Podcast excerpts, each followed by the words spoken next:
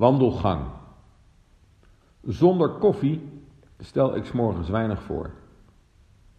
Velen zullen dat gevoel met mij delen.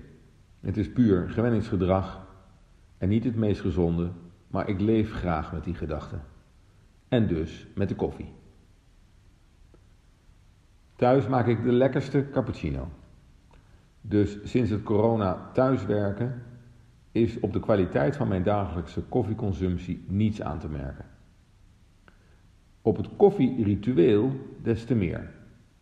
De laptop open, in Teams of Zooms, een aardige glimlach in beeld, maar toch mis ik iets. Naarmate we langer digitaal thuiswerken, wordt het gemis steeds duidelijker. We missen de koffieautomaat. Niet zozeer de koffie, als wel het ritueel. Even smalltalk, een grap of grol. De afstemming voor de komende vergadering. Belangstelling voor de privékant van klant of collega. Er is legio motief om de koffiecorner regelmatig aan te doen. Iets breder geformuleerd, digitaal missen we de wandelgang. Doorgaans een dankbaar coördinatiegremium. De wandelgang als onlosmakelijk proces in de manier waarop we samenwerken. Zonder wandelgang en koffieautomaat ontbreken de kleine afstandmomentjes buiten de boardroom die het proces erbinnen vergemakkelijken. Momenten van connectie om inhoud, relatie en proces op elkaar af te stemmen, die bovendien vaak leiden tot het voordeel van de twijfel en de gunfactor. De plek waar de formele en informele leiders elkaar ontmoeten. Daar wordt de deal gesmeed, de moed verzameld, de tactiek besproken, de kandidaat gescreend, de baas gepasseerd, de OR echt betrokken. De plek waar flauwe grappen worden weggelachen en de notoire tegenstander wordt weggehoond. De wandelgang is de free zone naast het formele theater. Als je durft.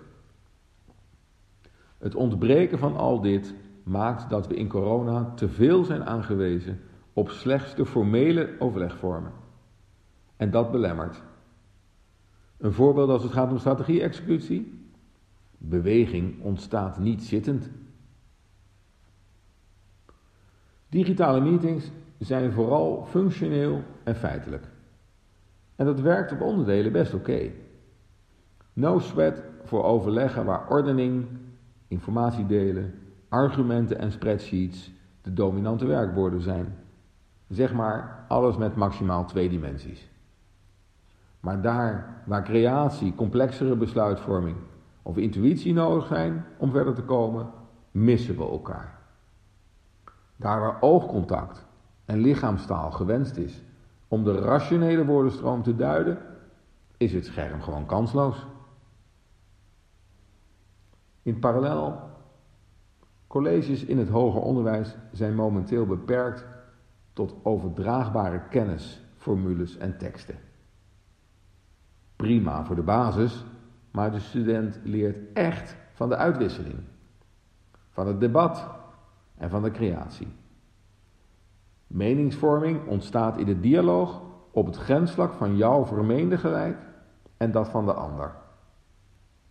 Net als in de sportkantine of de kroeg. En nu? Wachten op de digitale wandelgang? Nee, natuurlijk niet. Corona gaat voorbij. En de hybriditeit in werkvormen zal blijven. Goed maatwerk over wat we in welke vorm gaan gieten is onontbeerlijk. En wees ondertussen en ook erna welkom bij mij thuis voor de lekkerste cappuccino.